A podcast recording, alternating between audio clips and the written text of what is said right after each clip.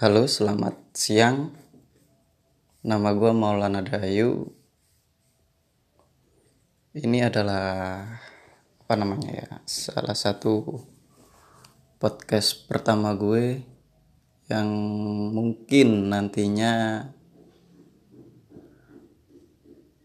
bisa apa namanya? Bisa dibuat cerita lagi untuk ke depannya alah apalah pokoknya itu ini adalah pengalaman pertama gue yang sebenarnya gue terinspirasi dari para podcast podcast sebelumnya yang bisa bercerita tentang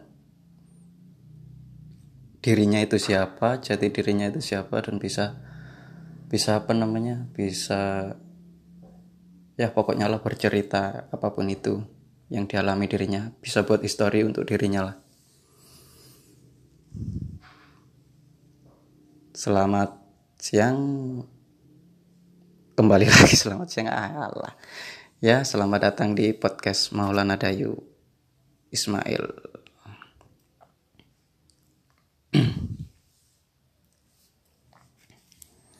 Cerita kali ini yaitu apa ya? Bercerita tentang mungkin tentang keresahan gue yang banyak orang mengalami atau akan akan dialami.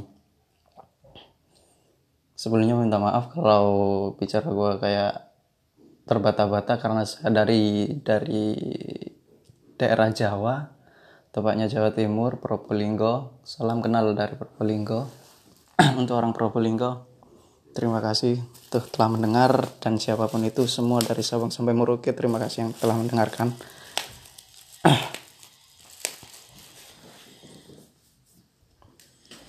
Kembali lagi ke topik. Maaf ya tenggorokanku agak agak ini namanya apa? Agak terbata-bata soalnya ini apa namanya podcast pertama gue yang tahap apa yang harus gue omongin karena tidak ada skrip, tidak ada teks. Ya pokoknya berjalan gitu aja.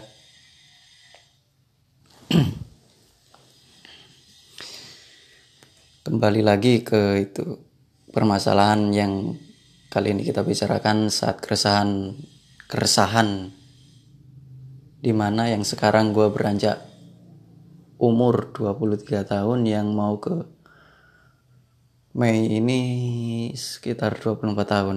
Ya, sekitar sekitar Allah. Ya sudah pasti lah 24 tahun. Ya gitulah pokoknya. Ya apa namanya? Mungkin di umur segini gua ya gua gua terjebak dalam zona karyawan yang belum tahu arah tujuan gua yang arah tujuan hidup gua nantinya ke mana itu belum tahu.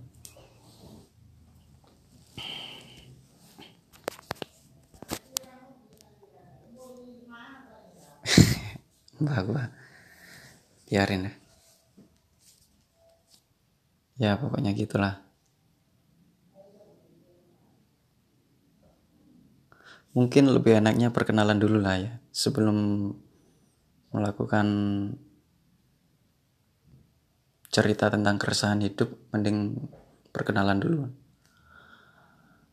Wah dari